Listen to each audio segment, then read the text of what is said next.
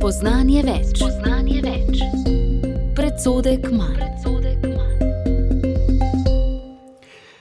Dober večer, drage poslušalke in dragi poslušalci. Ja, mesec november je že tak mesec, da se oddaja, ki je na sporedu ob 17. uri, že začne uh, z nočjo. V njej pa danes pozdravljam urednika, pisatelja, duhovnika, magistra Branka Cestnika, kajti spet bomo govorili o aktualnostih z področja cerkve in družbe. Lepo zdrav. Pozdravljeni. Ja, uh, vedno začneva z dobro novico, zakaj bi spremenjala to lepo navado. Pa še zato, ker je danes 28. november in še 28. rojstni dan Radia Ognišče.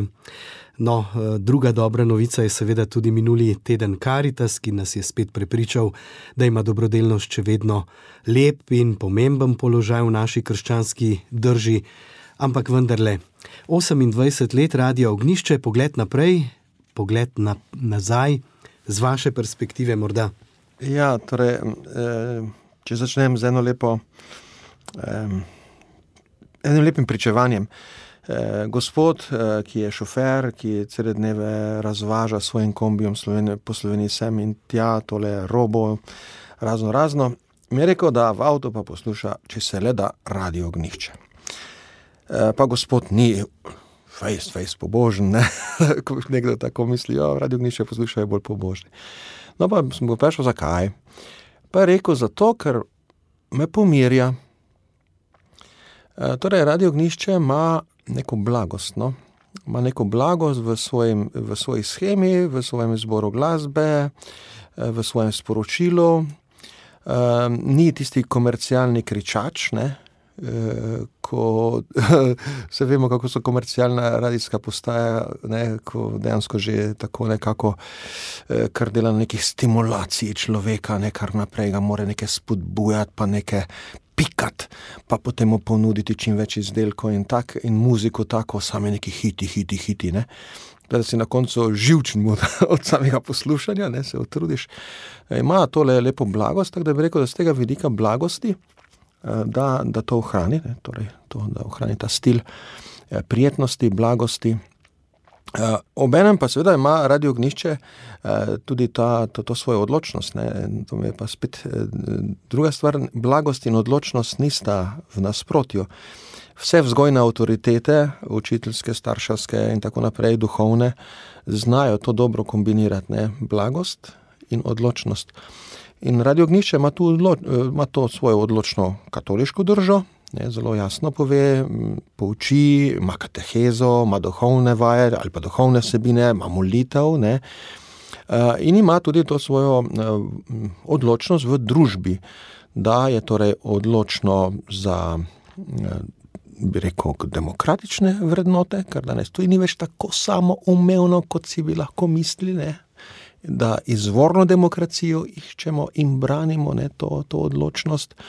Um, In da pove tudi krščanski družbeni nauk, ga zna lepo vkomponirati, braniti in promovirati znotraj tega družbeno-političnega področja. Ne.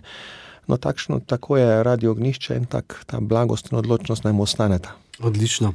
Tudi za naslednjih 28 let in še kakšno za povrhu. Ne? Tako, tako je. ja, torej, teden Karitas pa tudi ne, nekako preseneča, oziroma če pogledamo na klic dobrote, zbrali so slabih 200 tisoč evrov v enem večeru. Zdaj, če bi se šteli še vse ostale lokalne prireditve, pa nabirko Karitas, prepričan sem, da bi bil izkupiček več kot milijon evrov. Ja, torej, um, teden Karitas, to je ta teden med uh, Kristusom kraljem in prvo adventno. Uh, ta teden je tradicionalno dobrodelen, nekako nas uvede v ta duh dobrodelnosti, ki ga potem razvijamo decembra in za božič, tudi ko se obdarujemo. Tudi obdarovanje je ena oblika dobrodelnosti. Ne? Torej, nas uvede in nas uvede, da tudi v tem času, ko se bo povečala potrošnja, ko bomo več kupovali kot običajno, ne pozabimo ubogih med nami. Ne? To, to teden Karitas je tako bi rekel dobro strateško pozicioniran v, v leto, tik pred adventom. In odzivi ljudi so vedno dobri. To je, to lahko uh, kot opazovalec ne, lahko rečeš teh dogodkov in ko vidiš te številke, uh, in tudi kot, kot župnik lahko rečem, ne, da jaz sem recimo naša župnija. Je letos, župnija Frankolovo, je letos imela uh, rekordno nabirko za nedeljo Karitas. Ne. Uh, Eh, nikdar niso dali toliko, kot so dali letos. Se ne damo veliko, se nismo velika župnija. Ne? Ampak vendarle, ne. Vendarle, po se, močeh, ne? vendar po svojih močeh in letos več kot lani, recimo ali pa pred korono. Ne? In ta trend, da se da več kot pred korono, sem tudi opazil, recimo pri nabirki mm, za misijone, pa pri nabirki za misijone za projekt Miva, ne, te dobrodelni eh, projekti, bodi si za reveže pri nas v Sloveniji, bodi si za pomoč eh, Afriki, Aziji, daljnim misionarskim dejavnostim in daljnim revežem, ki so tam nekje, ne, ki jih niti ne vidimo, ne poznamo. Te stvari ne, ne pešajo, uh, se ne izgubljajo kar tako. Ne. In uh, ljudje morda, po eni strani se zdi, da nas je malo le prizadela korona, da je malo manjši obisk ne, kot pred korono, ampak kar se pa da roži. Bogoslužja, ja, crkve, ne, ne samo pri nas, tudi v nasploh v Zahodnji Evropi to opažajo. Um, ampak, uh, glej, kar se pa tiče odpreti srce za stisko bližnjega, pa še ne popušča to v človeku ne, in to je dober znak. Uh mhm. -huh. Dobro, skratka, če začnemo z nečem dobrim, eh, pokažemo na tiste svetle strani našega življenja, potem seveda lahko tudi eh, bolj odločno stopimo v tiste vsebine, ki pa niso morda tako zelo eh, prijazne ali prijetne, ampak eh, no, za nekatere pa tudi so. Skratka, zdaj le bova govorila o volitvah in referendumih, to bo pravzaprav lahko rečem večinska tema današnjega dne. Eh, k sodelovanju bomo seveda povabili tudi naše poslušalce in poslušalke. Telefonska številka je znana, nič ena, 512, 10, nič nič. Tako le privoščila si bova kakšnih 10-15 minut eh, pogovora, monologa. Kakorkoli že, potem pa vabljeni res, da se nam pridružite, morda tudi eh, sami malce pokomentirate ta super volilni november. Um, končni razplet velike ofenzive slovenskega levega meščanskega razreda na vse možne pozicije je, eh, se je zgodil letos. Vse volitve, parlamentarne, predsedniške referendume je desna politična opcija izgubila, levica ima zdaj absolutno oblast, kar je, kot pravi Žiga Turk, slabo za demokracijo. Kaj pa zdaj? Ja, sej, torej, vedno moramo začeti s pregovorom. Nobena župa ni tako vroča, kot se skuha. torej, eh, niti ne moramo zdaj o neki katastrofi govoriti. Eh, jaz sem malo šel pogledat po Twitterju, malo sem tudi imel kakšen telefonski klic, danes tako malo čuden, zaskrbljen. Ne, ne, eh, kot da zdaj kar naenkrat za ton. Za to neke ali demokracije, ali pa za to, mm, ne vem, tem te lepe rožice slovenske, kar je ne samostojna Slovenija. Uh, je pa seveda eno, en premik. No, in tisti, tista dikcija, no, levo mešča, ofenziva levega meščanstva, ne, meščanskega razreda, pravzaprav, uh, je, je prišla do zdaj nekako do zaključka in z njenega vidika, uh, z vidika tega meščanskega razreda, uspešnega zaključka, dejansko so zmagali vse, ne, uh, kar so se podali. Eh, zmagali so pa vedno po isti formuli, torej vse od eh, tistih eh, aprilskih volitev pa do zdaj. Isti, pa že lani ta uvodi referendum, ne, po isti formuli, da so pač oni dobri, ostali so pa slabi ali celo zlo. Ne. In da so oni tako dobri, da sploh več nimamo kaj drugega razmišljati, kot njih voliti uh, ker oni so pravi demokrati, ker oni so sočutni, ker oni nam bodo dali čisto pitno vodo, ker oni nam bodo poskrbeli solidarno prihodnost, ker oni ne bodo nikoli uporabljali policije, ki bi nekoga udarila s pendrikom ali kako mu plin spustila, ker oni so pač boljši ljudje. No, to je po eni strani, po drugi strani pa seveda, da na drugi strani pa je neko zlo, neki slabi ljudje, neko mračnaštvo celo, ne? in da je vse ostalo slabo. V ta koš pade tudi crkva, tudi krščanstvo, nekako zapade v to lahko, še smo včasih imeli kakšno dikcijo tudi proti cerkvi, uh, proti duhovnikom uh, in podobno. In potem so na, na tem, tem principu, torej manihejskem principu dualizma, ne, se pravi črno-belo, dobro-zlo. Uh, po tem principu nekako so peljali te svoje uh, volitve, te svoje kampanje, uh, bojevali so se praktično proti dialogu, ne, da dialoga ne sme biti, ampak samo spopad. Uh, tudi z visokih funkcij so dejansko pozivali k spopadu, k um, torej, kako je rekel, kot je rekel tudi predsednik Kučan, zadnja velika bitka naše generacije. ne, in take stvari. Torej, so eh, uporabili neko, neko eh, apokaliptično govorico, če rečem kot teolog. Ne. Eh, apokaliptično govorico, nekaj definitivnih časov, zaključnih časov, tik pred zdajci smo, ne da reč bo se vse skupaj sesulo in tako. Da bi zaščitili to, kar imajo že itak več čas. No, ampak večina je to kupila. Ja, večina je to kupila, ker tudi ni imela eh, veliko možnosti, da poišče kakšno drugo pot, ne, oziroma niti ni slišala. E, imamo ene medije, ki so tako rekoč močni vplivni mediji postali strankarski mediji. E, torej, e, med najbolj vplivnimi. Torej, ne, in, to. Potem, eh, seveda, potem so gradili na demonizaciji Jana Zajanša. No, to sem hotel prej povedati. Ja, in rekli, da včasih uh, so tudi crkve dali v ta koš. Včasih je bila floskula klerofašizem zelo na jeziku. Ja, ja, Zdaj ja. je pa janšizem. Ne? Se pravi, uh, prepoznali so, da crkva pravzaprav ni, ni več tisti prvi, najbolj demonizirani sovražnik, ampak da je to Janez Janša. Ja, sej, recimo, mi, če opazujemo ta sistem, to, ta sistem demonizacije, nekje od sredine 90-ih se je začel zgrajevati. In je potem vedno bolj rastel, in ta sistem seveda gradi na čustvih, na negativnih čustvih. Ne? In prva velika tarča je bil pravzaprav uh, Načkov Rode, ne? je bil velika tarča. In njega so potem križem, kražem prikazovali kot velikega negativca Slovenije. No, potem pa je eh, Janša, je več čas bil njihov nasprotnik in tako naprej, ne? ampak potem pa je Janša leta 2004 zmagal ne? in takrat pa je strah in trepet nastopil. Ker so videli, da je možna, torej na desni ena alternativa, ker so vedno tudi govorili, mi smo sposobni, to je tisto, mi smo boljši, mi smo sposobnejši, mi, mi smo kompetentni. Mi smo strokovnjaki. Ne, iščemo strokovne rešitve, ne? to so potem nekako vedno te floskole uporabljali.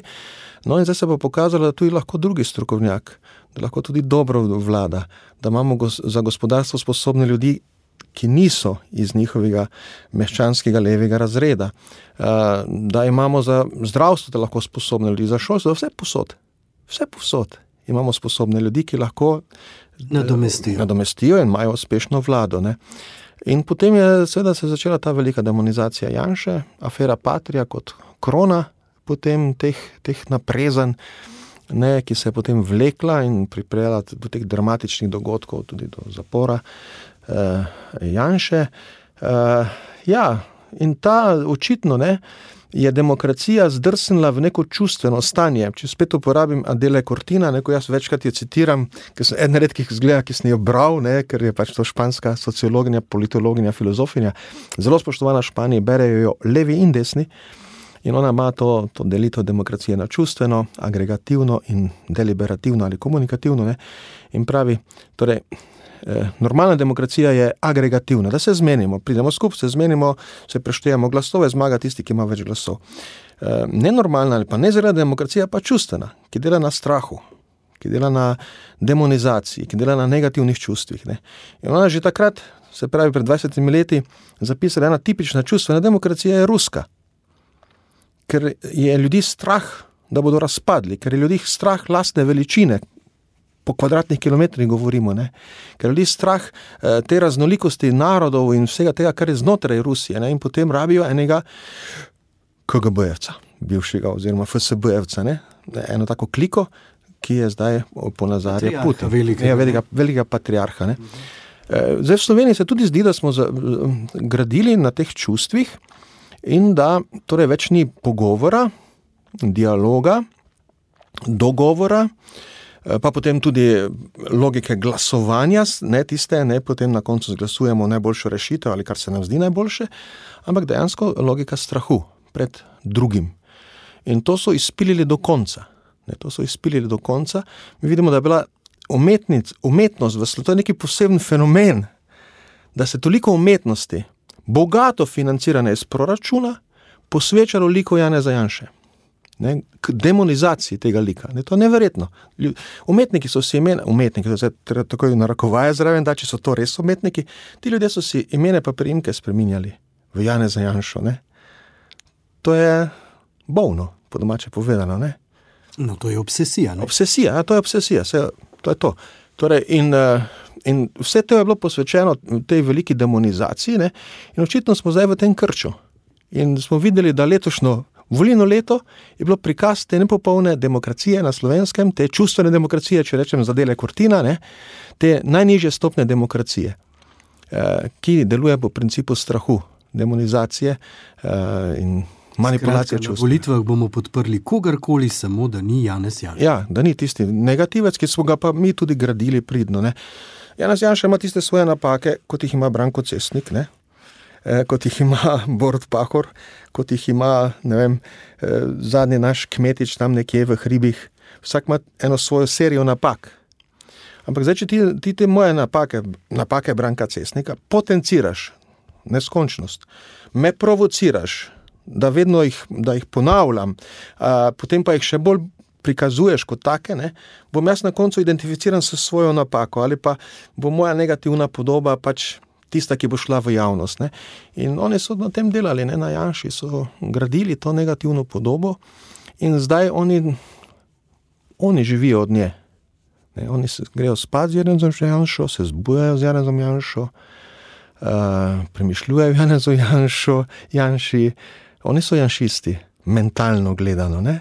ker je Janša njihovo mens, pamet, um napolnil ne, svojo prezenco. Uh, vprašanje, jaz gledam naše SDS-ovce, recimo, jaz izhajam iz enega okolja, ki je zelo močno SDS. Ma, ti ljudje se meni ne zdijo neki hudi janšisti. Vse ne razmišljajo o Janšu več čas, pa se ga ne citirajo. Vse ne nosijo njegove podobice nekje tam. Ne? Uh, ampak. Uh, tako. In to je res zanimiv pojav, bi rekel, za socialno psihologijo, za raziskati dejansko te mehanizme, eh, kako to deluje. Ne? In je zaskrbljujoč, ker če se bo vedno to uporabljalo, bomo cepetali na mesto kot demokracija, oziroma nazadovali. Zelo nazadovali. No, potem se je pojavila včeraj izjava poslanca SDS Branka Grimsa, verjetno je bil zelo depresiven in je povedal, da so bile oziroma da so sedanje razmere v Sloveniji podobne tistim v Nemčiji leta 1933. V mislih je imel seveda to absolutno oblast levice. No, ampak odziv nemškega veleposlaništva na to izjavo je bil seveda negativen, tudi moje, če, če uh, se smem uh, izpostaviti.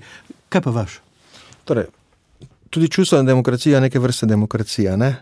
In tudi od naprej krenemo, pač ne bomo zdaj rekli, da smo že tako čista dik diktatura, ne? veš, da nismo. Uh, pa moj odziv je treba potem popraviti, ker vmes so bile županske volitve, lokalne volitve, ki pa izstopajo iz vsega tega. No? In so pokazale večjo uravnoteženost uh, volilnega telesa. Uh, uh, in tistih 60-40, ne, uh, Eh, ki je se pokazal v predsedniških volitvah ali pa na referendumu, tisti procent, tisto razmerje je na lokalnih volitvah lahko precej drugače. Ali pa tudi, če je podobno, to ne pomeni, da je to neka strastna borba. 60 proti 40, ne, ali pa da tu gre za neko hudo bitko. E, pač, in lokalne volitve, jaz bi rekel, ne, če gledam samo gibanje Svoboda, recimo, gibanje Svoboda je krenilo pač z vrha navzdol. To ni bilo gibanje, to je pač bila projekt nekega kroga ljudi. No, čeprav to so pač ljudje, ki so pobrali recimo bivše LDS. Ja, ja pa, če ga gledam leto dni nazaj ali pa pol leta aha, nazaj, ne, ali, ja, recimo, eh, pač je krenilo tako. Ne, eh, in eh, danes je prišlo na lokalno raven in je zbudilo to strukturo LDS-a na novo, ne, ampak kaj se zgodi na lokalni ravni? Na lokalni ravni dobiš ti notre med svetnike, v strankarsko strukturo, v, v krajovno skupnost, ogromno normalnih ljudi, ki niso zastrupljeni za to vrhovno slovensko politiko. Niso tako levo-desni. Jaz sem to prav opazoval tudi v našem okolju, kako je zdaj eh, svoboda nekako zaobila en prostor, bivš, bivši prostor LDS-a, več ali manj, recimo, ne zdaj na zadnjih občinskih volitvah. Eh, ampak potem ljudi poznam, ne, si mislim, da je kako dobro. Ne, eh, čeprav predsednik eh, svobode ima nestrpno govorico, govori o, o boju proti mračnjaštvu, govori tako rekoč o lovu na čarovnice, ne, uporablja čisto noter v tem vzorcu, o katerem sem prej govoril, tem čustvenem vzorcu, ki uporablja velikega demona, proti kateremu se bojujemo. Čeprav on je tak, recimo predsednica parlamenta ima te svoje izpade, znotraj od spodaj gor raste ena druga svoboda. Ljudi, ki se znajo meniti. Jaz si ne predstavljam, da bi ti ljudje, ki so za svobodo, v moji vasi, meni rekli, da sem mračnjak. Nihče od njih. Medtem ko pa šef pravi, da smo mi mračnjaki, ki nismo na njegovi strani. Ne? In negativci, in ne vem kaj vse. A, torej, tako da lahko tudi od spodaj gor se zdaj tudi stvari malo bolj stabilizirajo.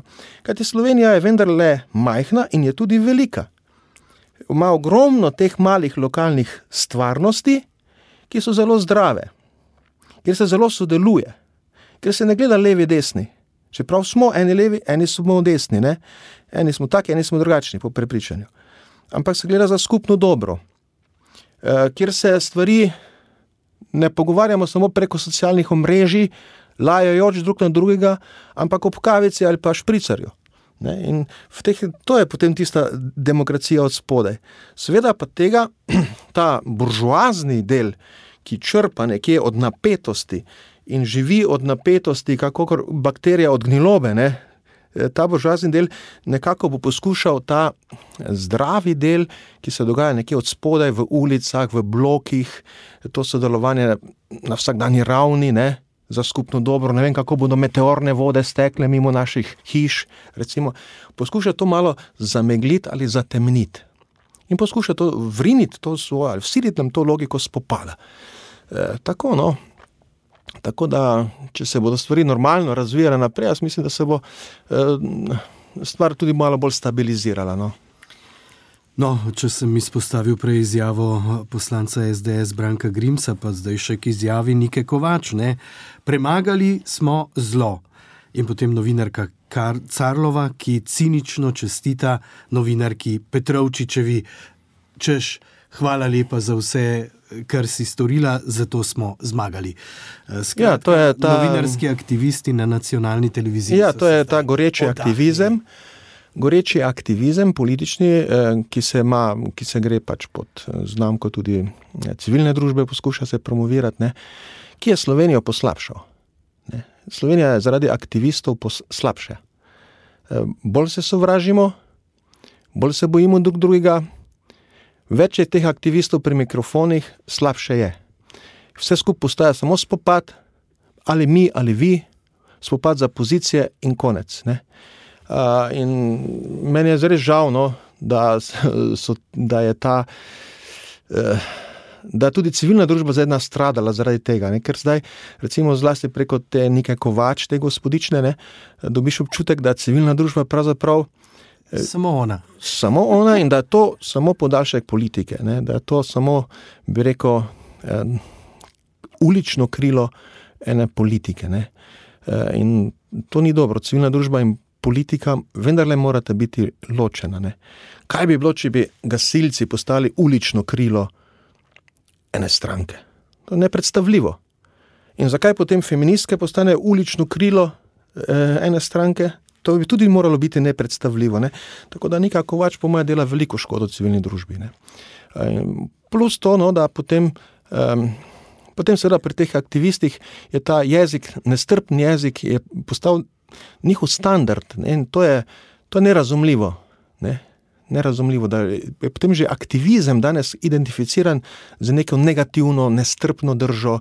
Um, in že pojem aktivist, aktivistka se že zgublja, ne? že dobiva negativni prizvok zaradi tega. Ne? Je to velika škoda, ampak ne znajo drugače, ne, ne znajo drugače, žal. Nič ena, 512, 10, nič, nič, naša telefonska številka, če imate kakšno vprašanje, mnenje, ki bi ga delili, skratka, nekaj, kar bi prispevalo k tej oddaji, potem ste seveda lepo vabljeni, da nas pokličete in bomo, bomo prisluhnili, ne, govorili o teh stvarih. Zdaj le tako, malce, kako naj rečem. Uh, vprašanje za to, da se malce naostri naše ozračje, bi se moral Janez Janša umakniti, kajti vse volitve letos so bile v bistvu volitve proti njemu. Oziroma, kot sem slišal zadnjič eno zanimivo zgodbico, da sta se Janša in Kučan nekje dobila v 90-ih letih in se zmenila, da bosta uničila slovensko desnico. Kaj menite o tem? torej, ja, zdaj, se pravi, v tem. Uh, uh, panjanšizmu, ki ga zganja slovensko levičarstvo, je zelo težko vedeti, kdo je Janez Janša. Ne? Jaz sem enkrat že postavil retorično vprašanje, Janez Janša obstaja ali je to bojeslovno bitje. Ne? Ker toliko je na njega nalepljeno, da, da že dejansko ne veš, kdo je. če, če pa levico poslušaš, potem pa tako več ne veš. Ne? Si že lahko čisto čuden, zmeden. Mi imamo na levici imamo odlične ume, eh, kolumniste, Ampak, če jim vzameš temu Jana za Janša, niso nič. Ne vem, če zaslužijo za česen in čebulo za trgovino, ne? če ne pišejo Jana za Janši. Ne? Torej, ne znajo niti drugače družbe razmišljati kot skozi to perspektivo Jana za Janši. Torej, nekako se zelo za njega koncentrira, ampak drži, držimo se pravil. On je šef stranke in to je najprej stvar stranke. Se, bomo zdaj mi rekli, da naj odstopi Robert Golob, zato ker si ne vem, tam nekdo želi eh, naptujo, da si naj Robert Golob ne odstopi, zato ker ne vem kaj. No, to je stvar stranke eh, Gibanja Svobode. Kako bo svojim predsednikom, kako ga vidi, kako ga promovira, kako za njim stoji, ali pa kako ga kritizira. To je prva stvar. Ne? Tako da tu ne smemo posegati. Je pa gotovo, uh, eno, to, to sem pojasnil, kot že tako izrazil, tudi da pa obstaja eno staro crkveno pravilo. Crkveno pravilo za duhovnike, župnike, da se omakneš iz župnije, če tudi nisi kriv. Se pravi, v smislu, če okrog tebe se nastavi veliko napetosti, tudi veliko negativnih eh, čustev, lažnih novic, in da je to ta labirint dejansko neprebavljiv, je najboljša rešitev, da ti greš iz fare če tudi nisi nič kriv, pa če tudi so stvari namišljene. Ampak zato, da fara dobi zagon, ker ti nisi fara, ne? ti nisi fara, ti si samo uslužbenec v tej fari. Ne? In tu je strankarski voditelj, ni stranka. Strankarski voditelj ni vse, kar je stranka. In mora tudi gledati na dobro stranke. In včasih se strankarski voditelji znajo omakniti v dobro stranke. Seveda, to pa mora oceniti Janes Janša in mora znati oceniti SDS eh, v prvi vrsti. Rekel sem, da ste vabljeni k sodelovanju, naši telefoni zelo zvonijo, imamo pa nekaj težav, no, tako da boste eh, vedeli, zakaj eh, eh, telefoni morda zvonijo nekaj bolj v prazno. Tomaš iz vrhnike, mislim, da je zdaj le prvi z nami. Tomaš, ste slišimo? Ja, dobro večer želim, dobro večer želim. Ker... Jaz bi um, zelo vesel, da se dela tako javna ena refleksija na to, predvsem na te volitve, ne, potem neko tako eno objektivno sliko. Rad bi tole povdaril, kar se mi zdi zelo pomembno. Mislim, da tik pred uh, začetkom vojne v Ukrajini je gospod Petrle, ki ima za zelo zmernega politika, spoštovan na levici kot na desnici, je dejal, da v Sloveniji, to je zapisal v tedniku družine, v Sloveniji smo bolj pred popolnim spopadom kot mirom. In jaz sem to res tako doživljal. To je druga misel, ki, mi, ki bi jo res rad delil z vami.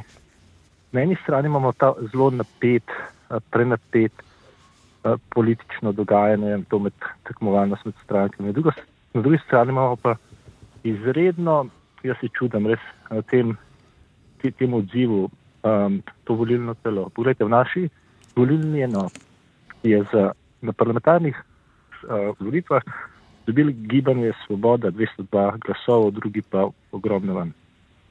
Na, na občinskih pa je dobil desni predstavnik 92 glasov, torej v isti volilni enoti, vsi ostalo pa več kot pol manj.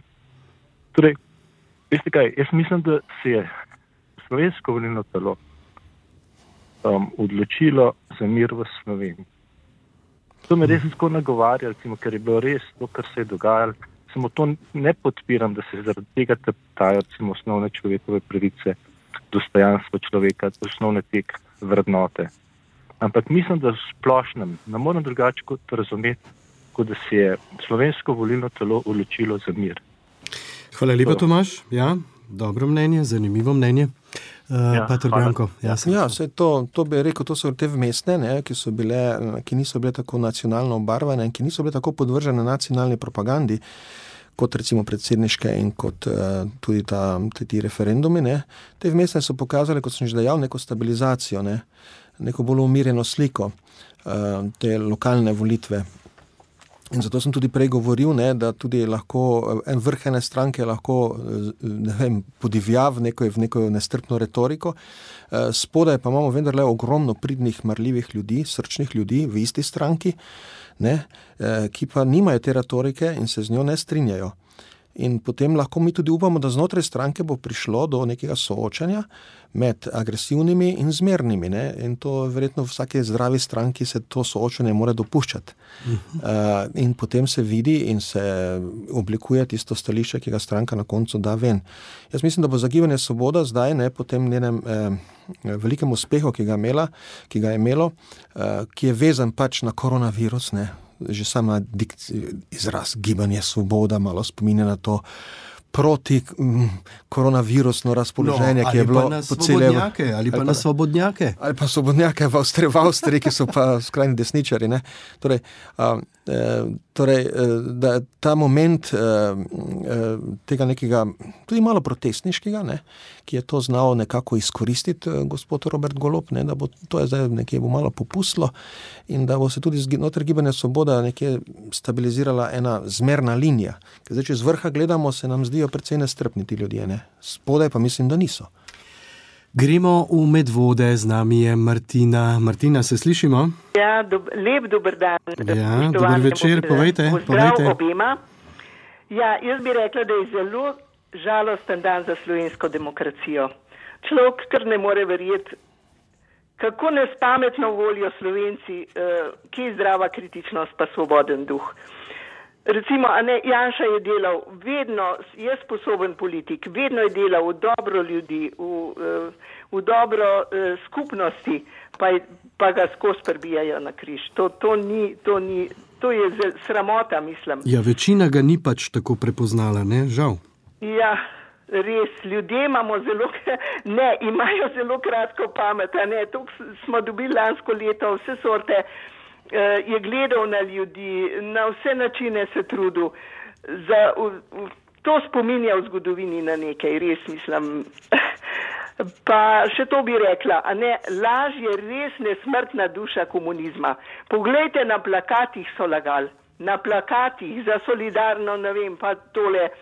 Ja, gorje, no, sla, slabo se nam piše, no. pa ne, da sem tako črno gleda, ampak tole, tole pa, da imajo pa čisto vse vzvode oblasti in da mislijo, da lahko delajo, kar hočejo, to je pa, to je pa res absurdno.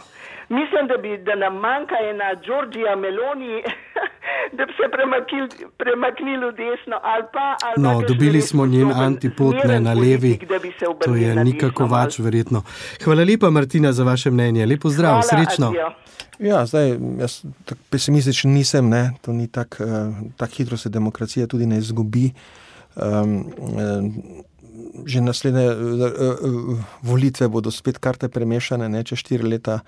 Uh, bo, bo spet bojo presenečanja, spet bomo videli, kaj bo. Vmes se bodo zgodile afere, ne da bi kdo hotel na njih vplivati, se bo razkrivalo kaj slabega o tem, onem bo vplivalo na, na, na, na, na, na kadrovsko sestavo politike in to ono na percepcijo, kaj, ki jo imajo ljudje o politikih in o strankah. Tak, ta stvar je živa, to ni, to ni zdaj kar naenkrat pribito in dol dano. Je pa res, da je ta pohod leve buržoazije na oblast in na pozicije pač uspel. Oni so zdaj dejansko zasedli vse, kar se da, ne?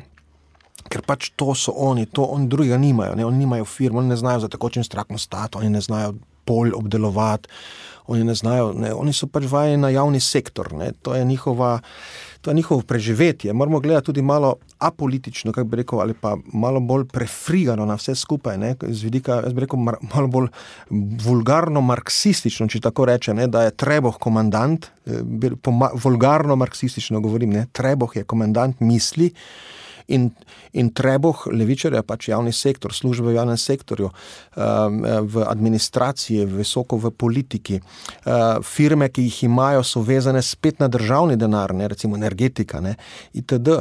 In oni rabijo oblast. Zaradi svojih plač, zaradi svoje pozicije, ne, eh, pravim kot vulgarni marksist. Torej, in in tu, tu je ta, ta, ta, ta napad ne, na, na, na to, kar imajo, na ta korita. Moramo tako gledati, je pač jim uspel zdaj. Ja, prepričali so večino, ne, tukaj ni. Ja, večino so pa prepričali za to retoriko, ne, da so pač boljši, da bodo vse boljše naredili in tako. Zdaj bomo imeli ministrstvo za solidarno prihodnost, recimo, ne, kaj je to solidarna prihodnost. To je utopija. Ne. In kaj pomeni utopija? Utopija poveča agresivnost, ker ne moreš uresničiti utopije, postaneš še večji lažnivec in večji agresivnež. Bolj imaš utopično sekto na oblasti, hujša je agresija in represija. Ne, utopija in agresija in represija gresta običajno skupaj. In jaz se kar bojim, kaj bo to utopično ministrstvo nam prineslo. Ne? Ker ti solidarne prihodnosti ne moreš nikoli preveriti, če dobro delaš, ker je to itak prihodnost. Ne? Vedno pa lahko druge kritiziraš, da niso za solidarno prihodnost. In to je ena, ena, ena zanka, ki je prav smešna in upam, da bodo to ljudje čim prej spregledali.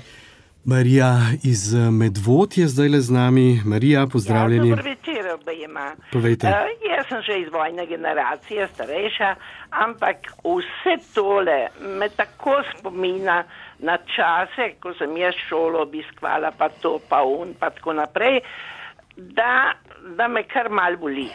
Bi pa povedala, uh, se pa strinjam s predhodnico, vsekakor. Uh, bi pa tudi povedala, uh, ker sem z eno gospo hodila v, v, to, v toplice, me je prosila zmeraj, da sem šla z njo in ona je bila borka, partizan, jih je bila, vse je bila, na zadnje je pa delala v javnih uh, teh tajnih arhivih na javnih tajnih arhivih in sva debatirali volitve. Gle pred enimi volitvami je bilo. In kaj je ona rekla? Preverjena komunistka.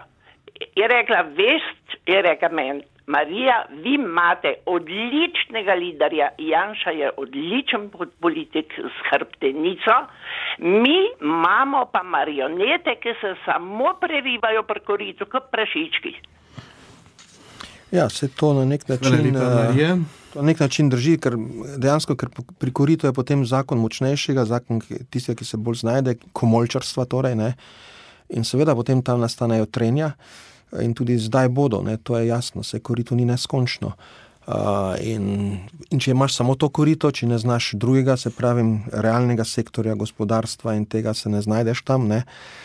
torej je tudi tukaj nastane ne boj, ampak mesarsko klanje lahko na koncu. Uh, Uh, ampak, um, seveda, um, ampak to ni dobro. No? To ni dobro. Janša pa seveda je, ne, ja, ima te sposobnosti. Recimo, da smo med zmagovalci koronavirusa po ekonomskih kriterijih, to je briljantno. Ne? Tu, tu je treba zaploskati. Da smo med zmagovalci v odnosu do Ukrajine bili vse od začetka, da smo bili državica, ki je Ukrajino razumela, podprla, razumela uh, fašistoidno Rusijo. Eh, Putinovo Rusijo kot negativca, kot dejansko nevarnost za našo civilizacijo eh, in da je to zelo odločno pokazal. Tudi tu smo bili potem moralni zmagovalci, vse na začetku vojne v Ukrajini, ne? zdaj se stvari spreminjajo. In to, tu brez Jana Zajanša teh, teh pogumnih in dobrih korakov ne bi bilo. No? To bomo morali vedno priznati. Vsakemu politiku moramo priznati tisto, kar dobro dela, ker noben politik ne dela vsega slabo in noben vsega odlično. Ne? Eh, tudi v življenju ti kakšne stvari uspejo, kakšne ne. Že nedeljske pridige pri sebi gledam, kakšna je tak, da gledajo ljudje v ure, kakšna pa so tiho, tako da bi slišal crkveno miš škrtati nekje tam izpod, eh, izpod spovednice, če bi tam bila. Torej, Eh, tako je, ne, je treba sproti ocenjevati in ne imeti predsotkov, to je vodaja za predsodek manj, ne, ampak res eh, po sadovih ocenjevati. Pravim pa, no, da pač zdaj pri tej oblasti, pa pri tej medijski moči, bo to ocenjevati težko, zato ker ne bomo imeli prave predstave. Mediji nam bodo trobentali eno, eh, gnile jabke se bodo skrivale. Čeprav, čeprav zdaj mediji nekako, eh, kdor hoče priti do drugega medija, lahko pride. Ne, to Et, moramo. To je to treba povedati priznati. in tudi ljudi ujunači, da več uporabljajo uh, alternativne. alternativne medije. Tudi, tudi Twitter, bi rekel, Twitter je zelo dober. Jaz, jaz sem že dolgo na Twitterju. Gibanje Svoboda je izstopilo iz Twitterja. Dane iz Ljubljane je z nami, lepo zdrav. Pa dan iz Ljubljane. E, dober večer vsem. Jaz bi pa povedal nekaj stavkov, namreč pogledajte. Golob natlačen, delovc pa penzionist pa že zdaj in še bolj bolačen kar je on na oblast prišel. to, je, to, je tako. Ja. Pa, pa še neki, ne, ki so uprizarjali te tele like, ne, tega le Jane za Janše, ne, recimo kot vampirja, pa to pa upil, to eno drugo. Niso, niso pa pomislili, da bi ga lahko prikazali kot da ta vadarja, ki je tisto odlična maska, vse ena A posebljanje zdrav. Ja, Tega ja. se pa niso spomnili. No, morda še pride. Tako, tista maska je bila odlična in jaz, če bi obstajala Nobelova na, nagrada za, za to, tole oblikovanje, jaz bi mu jo osebno, če bi mu to moč podelil. Pismo človeku, ki se je to masko spomnil. No, ja, se, to tisto nemško, lepa, Dane, tisto obliko čelade, ki je nas spominja na nemško nacistično čelado. Uh, ja. uh, torej, ja, no, zdaj res imamo, tako ste rekli na začetku, pač zanimive, zanimiva stvar. No. To, kar je na, na začetku bil Janes, eh, ne, torej gospod eh, Jankovič, ne, Zoran, eh, se pravi, da smo imeli enega magnata, ki je bil biznismen. Ki je upravljal posle take in drugačne. Ne? Ampak je bil strokovnjak? Ja, in je postal župan. Ne? In se je zdelo, da je malo nenavadno, da vendarle uh, levičarstvo eh, se tako potem nalepi na enega takega župana, biznismena, bogatega človeka z bogato rodbino, ki je tudi bogata, pač višji sloj. Ne. Eh, zdaj pa se kaže, da je to že standard. Imamo predsednika vlade, ki je podobno Eh, bi rekel, podobno naštelan ali iz podobnih vod pride, se pravi, biznismenstvo, poslovanje z državo, vse pa to bo osebno bogatstvo. In imamo predsednico države, predsednika vlade in predsednico države. Tako da imamo zdaj že Ljubljana, eh, mesto, vladna palača. Eh, torej, predsedniška palača, že vse pozot imamo tega nekega tajkuna ali tajkunko, ne, ali pa vsaj neki pridih tajkunstva, ki nam vlada. In vse to z blagoslovom pravičnikov z leve, oziroma z blagoslovom uh, jezne ulice, ki je kao levičarska, pravična, ki se boji za delo. Za socialo, za, socialo, ne, za, za najbolj ubožne. To je prav zanimivo. No? To me spominja malo že zdaj na tisto sekto v Ameriki, ko so se odpovedali vsemu in šli živeti v neko polpuščavo. Eh, njihov tisti eh, guru pa se vozo v Rolls Roycih in da ne bi šel v enem Rolls Roycu. On je naredil kolono Rolls Royce in samo v enem se je on pelo. Vsi njegovi, ubogi, hipi, suhi, z dolgimi lasmi, mastnimi, ki so se odrekali marsičemu, pa so držali roke skupaj in se mu klanjali, ko se je v Rolls Royce pelo mimo njih. Ne. E, tako bomo zdaj nekje dobivamo v Sloveniji neko to podobo ljudi, ki bogatega človeka častijo. Pa je to bogatstvo sumljivega izvora, ampak ga častimo. Ne? In me ne čudi, da je zdaj na levi strani prišlo do tolike tudi simpatije do Putinove Rusije, ker imamo isto neki podoben oligarhski sistem, se pravi, en, ki komandira, en, ki je car, ne, in potem njegovi oligarhi, ki so zasidrani v ekonomiji. Ne toliko v, v, rekel, v ministrstvu, v politiki ali pa v strankarstvu, ne, ampak v ekonomiji, v teh denarnih tokovih. In ta, ta bi rekel, tajkunizacija se je zgodila z blagoslovom. Eh, Stranke Levice, recimo, če eno tako stranko rečemo, ne, ki je bila ki, ki, pa ma, ki pa bi z bajonetom podila vse te ljudi noter. In to je res zelo zanimiv pojav, ne, ki razkazuje, eh, nam pokaže marsikaj. Da dejansko ne, gre, ne smemo gledati na stvari kot na stranke, ampak kot na neki meščanski, v glavnem meščanski, ker je vezan na mesta, uh, um, sloj ljudi, levo usmerjenih, ki ima tudi neko tradicijo enobeja, tako kot duhovnost neko, ne, in ki deluje kot nek razred. Zdaj, samo vprašanje je, če se ta vladajoči razred ali pa ta sloj ljudi zaveda samega sebe kot razred. Ampak zdi se, da se že zaveda, da mi smo razred, mi smo klasa, mi smo nad. Tega, te zavesti razreda, recimo v Sloveniji, so že kmetje izgubili. Kmetje že več nimajo zavesti, mi smo kmečka, eh, stan, razred, mi ne, so že kar precej razbiti. Tako. Te zavesti nima delavstvo.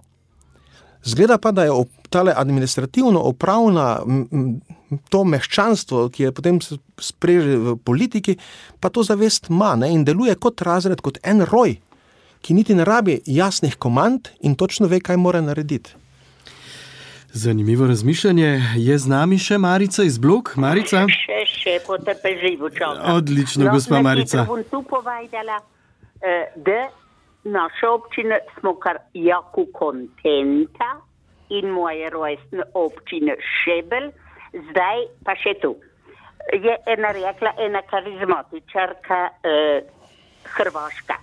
Pa, pa jasno, Slovenci ne morete dobiti dobrega politika. Janša je bil. Zato, ker 500 tisoč otrok je v otočnih kanalah, toliko mož je pa v jamah. Dobro, Marica, hvala lepa. To je bil malce pogled potem tudi nazaj. Tudi mistika bi rekel, ne, mhm. ima tu svojo vlogo, ne, gotovo eh, eh civilizacija, ki temelji na abortusu, na splavu. No, pa saj ne temelji, no, upamo, da pa je vendarle ne temelji. Ja, ima eno svojo smer, ne, tudi to. Ne. Jaz se spomnim ene podobnega izraza, ko je takrat tista velika kolona eh, teh beguncev oziroma migrantov šla peš čez eh, Slovenijo, se je premikala iz smeri eh, vzhoda proti zahodu, eh, tukaj pri Dobovi noter in tak ne. Eh, pa ena gospa rekla, ne vem, če to niso ti otroci, ki smo jih mi splavili, ki zdaj nazaj hodijo. Ne, v smislu, eh, za Bortosom smo toliko spraznili naš eh, biološki potencial, tudi, da zdaj nujno rabimo delovno silo drugot, da spopolni ta, ta, ta, to, ta manjko. Torej, eh, in, in za Bortosom, ki je kultura smrti, zdaj podpiramo migracije, kot neko novo kulturo življenja. Ne? Migracije ne prinašajo življenje, tudi zato, da si nekako uh, mirimo vest. Ne? Vse smo za življenje, se podpiramo migracije, ne? prej pa smo naredili abortus. Torej, ja, tudi te stvari, recimo, to imamo prednost, kristijani, ne, da lahko v, v analizo družbenih gibanj tudi vključimo malo bolj duhovni pogled, ne, eh, malo globji pogled na, na dogajanje. Dobro, Mateja iz Dobre polja je tudi z nami. Mateja, pozdravljeni. Dober večer. Mal si kaj bi se dal povedati. Moja baterija, moja baterija bo in v glavnem najbolj me je zmotil pri vaju, da sta vedela tukaj sedaj mir.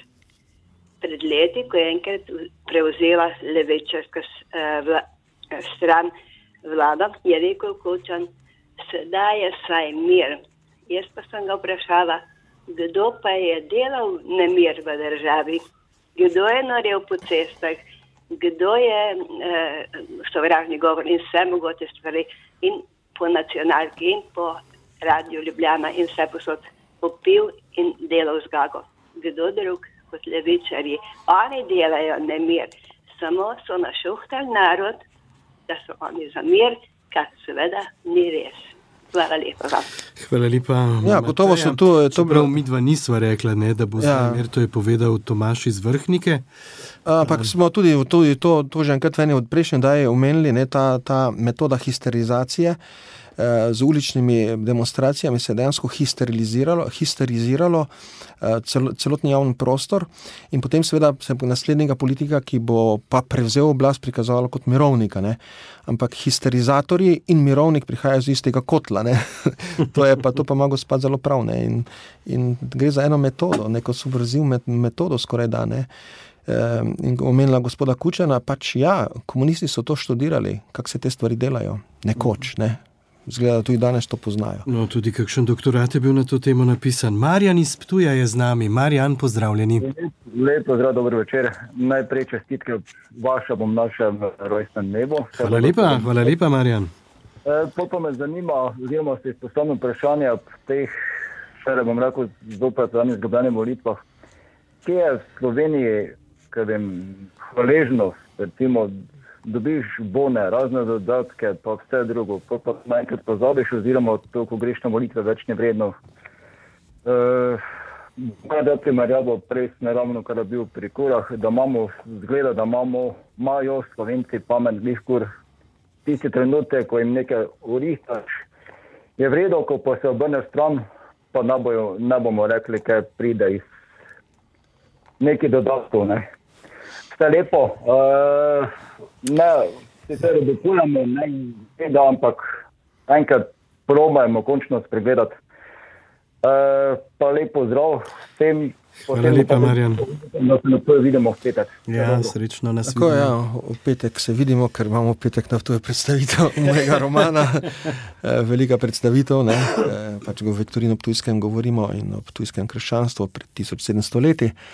Torej, ja, in ja, kot je dejal, ne, pač dobrota je včasih sirota, ne, se tudi tudi kakšna druga vlada lahko kaj dobrega naredi, ne, pa se potem to pozabi, župan ti asfaltira vas, pa ga naslednje, pa ga naslednje volitve no, ne boš volil. Moramo, moramo si enkrat za zmeraj povedati, ne, da ti lahko narediš karkoli hočeš, ampak ne moreš ljudi prisiliti, da te imajo radi. Je tako, ja, to je, to je Skratka, tako. Pravi, mislim, nima smisla. Ne? Ne, tudi na lokalni ravni vidim, da imaš ljudi, ki so recimo. Uh, sem opazoval tam okrog naš, sever, uh, mislim, Ceska kotlina, primere. Uh, ljudje, ki so ogromno delali vsa leta za skupno dobro, ne, ogromno. Uh, in nekako samo umevno je bilo, da so vedno izvoljeni v občinski svet, ampak za letos pa ne. In potem ne razumeš. Zdaj, če bi vse delali po principu hvaležnosti, bi mogli vedno biti izvoljeni. Pač, ampak voljivci volijo tudi po nekih drugih načelih, po načelih svežine, včasih, da malo premešajo karte, včasih po trenutnem navdihu. Ne vem, če je en politik prije blizu, pa ti da roko, pa je z ene stranke, ki ti sicer ne maraš, pa tak, ampak on ti je dal roko. Par dni pred volitvami, pa ti je fajn, pa rečeš, pa veš, da ga bom krožil. Ali pa en politik, jaz sem gledal enega političarja, ki je pač deklarativno full levo in tudi v levi stranki. Ampak sem gledal na, eni, na, eni, na enem dogodku, na katerem se je tudi molilo, kako lepo je molil. Rekel je, pa saj, zakaj ga potem ne bi volil, če pa moli lepo, a zdrave Marijo in vse. Ne? Pač so drugi nagibi, ki, ki, ljudi, ki ljudi, poleg tistega striktno političnega ne, ali pa striktno strankarskega, eh, eh, nagnejo v eno ali drugo smer. In to je dobro, to je demokracija. V bistvu vse demokracija ni samo strankarstvo, ne. demokracija je širše od strankarstva. Še Janku bomo dali besedo v tej oddaji. Janko, zadnji ste, povejte. Dobro večer iz Slovenske doline. Um, ja, spoštovanega gosta uh, bi jaz rekel, da je zelo uh, pošten, gospod spoštovani pater, ampak vi niste politik. Uh, jaz tudi nisem politik, no, ampak uh, zelo ste optimistični, jaz sem pa kar pesimističen in mislim, da, uh, da se bo mogla država resetirati. To je moje mnenje, tako kot je že rekel gospod spoštovani Janez Janša. Nič ne moramo narediti, ker pač imajo vse v rokah, pa ne kar zdaj. Kar bo znov zakon od RTV, že skozi imajo v rokah RTV, vse, skoraj vse medije, uh, sodišča, vse veste, kaj se je po drugi svetovni vojni naredilo. Uh, uh, mogli so oditi tisti, ki niso bili v partiji. Tako da uh, ta duh, če drugega ne, je že ustal na sodiščih, pa ne kar duh, jaz mislim, da je ne kar duh. In uh, mogla bo začeti uh, gospodarstvo Slovenija toniti, da bojo mogoče sploh kaj uh, ljudi, uh, da jim bo kapnalo. Pa še to vprašanje, če bojo, vidite, ker če mediji kar naprej, to so mojstri besede. Uh, uh, Seveda, kako je tudi v Venezueli, Dobar, tam so mogoče tudi prevare volivne, no, ampak uh, Tako da nisem jaz bil tako optimist, bi si pa želel, da bi bilo tako kot. Ja, ja Janko, ne vem, kaj nam preostane potem drugega. Kot... No, ja, ne vem, jaz ne, ampak ja, pač sej. povem. Ne. Ja. Ja, sej, pač, Hvala lepa jaz, za vaše mnenje. Jaz sem zdrav, srečno. Jaz pač se ne delim tega radikalnega uh, uh, pesimizma, ki ga nekateri imajo ne, uh, v teh urah ali dnevih, uh, tega se ne delim. Uh, kar se pa medijev tiče, pa, tiče, pa imaš zelo preprosto stvar. Ne, torej, mediji eh, lahko izklopiš, ne rabiš ga poslušati. Lete, jaz sem danes komentiral politiko, pa nisem politik, kot ste gospod zelo dobro povedal. Uh, a mislite, da jaz gledam politične oddaje? Ne. Jaz odmevo ne gledam že enih, več kot deset let. Uh, Studio City sem gledal pred 15 leti na zadnje, verjetno. Tarče, mogoče kakšno minuto, kako stvar. Ki je na Facebooku, recimo, ali ja, ja, ali kaj podobnega. Uh, teh uh, slovenskih dnevnikov je zelo malo. Pa se vam zdi, da sem butl. Ne, očitno sem, nisem čisti butl, zato ker sem pa eno uro lahko tu vendarle govoril o naši družbi in tem. Ne. Ker pa imam druge vire. Druge vire za premišljanje, druge vire za informiranje. Ne. Recimo v Šusu, ko sem opazil, kako slovenska televizija poroča o Ukrajini, s kakšno nerodnostjo, s kakšno pri, eh, pritanjeno filorusko držo. Ne? V Šusu sem začel gledati pač BBC, Sky News, pa Raj Uno. In sem bil v Ukrajini informiran dobro, kompletno, profesionalno. Pač nisem rabo za to slovenske televizije.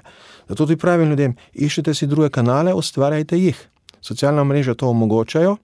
Danes imate Google Translate, tudi kakšne članke iz visoko strokovnih mednarodnih eh, portalov se da lepo prebrati, vsaj smisel ujet ne? in se informirajte. Ne rabite viseti na teh slovenskih medijih, ki jih itak veš, sumite, da so podvrženi eni opciji. Ne? Končala bova s kapitalom Anžeta Logarja. Um, nekateri so se recimo spraševali, zakaj ga predlagavci referendumov niso bolj izkoristili v času uh, kampanje za te tri referendume, ampak so recimo poslali uh, Vilija Kovačiča, Leša Primca, Branka Grimsa, če naštejem le nekatere, ki tako nikoli niso uspeli pridobiti simpatije večine slovencev. Um, kaj je s tem? Zdaj, jaz tudi, se pravim, kot tako sem rekel prej, zdaj sem se spovedal, da ne gledam slovenske politične, da tudi predvoljnih soočen ne gledam. Nisem gledal v vsem letu niti ene, niti minuto. Tako da zelo težko zdaj tudi o njem eh, povem. Ne. Samo meni kot človek vam je všeč. No. Uh, všeč mi je pa njegov background, ne? ima neki meščanski background, bolj uh, zna, ima ta nastop. Skratka, njegova, njegov čas še prihaja. Ja, uh, zna, je brihten, razume stvari, ima, ima to humanistično širino. Ne? In jaz pričakujem od njega še, še kaj dobrega. Uh -huh, uh -huh. Dobro, drage poslušalke in dragi poslušalci, to je bila današnja oddaja Spoznanje več predsodek manj. Z nami je bil urednik, pisatelj, duhovnik, magistr Branko Cestnik v predzadnji oddaji leta 2022, eh, najni oddaji. Prihodni mesec, tik pred novim letom, se bova srečala še enkrat in potem upam sodelovala tudi v prihodnem letu. O, zelo težko to za duhovnike obljubljati danes. smo tako zaupreženi. Danes sem spogreba, direkt sem pri, pri, pri dirkal ne? in to je kar naprej težava. Ampak se, bomo se potrudili. Se bomo vsekakor dogovorili, tako da vam želim predvsem miren uh, decembr, se pravi adventni čas, in da se potem tam nekje okoli Božiča še enkrat srečava in seveda tudi takrat pokomentirava tisto, kar bo najbolj aktualno. Vredno. Srečno. Srečno.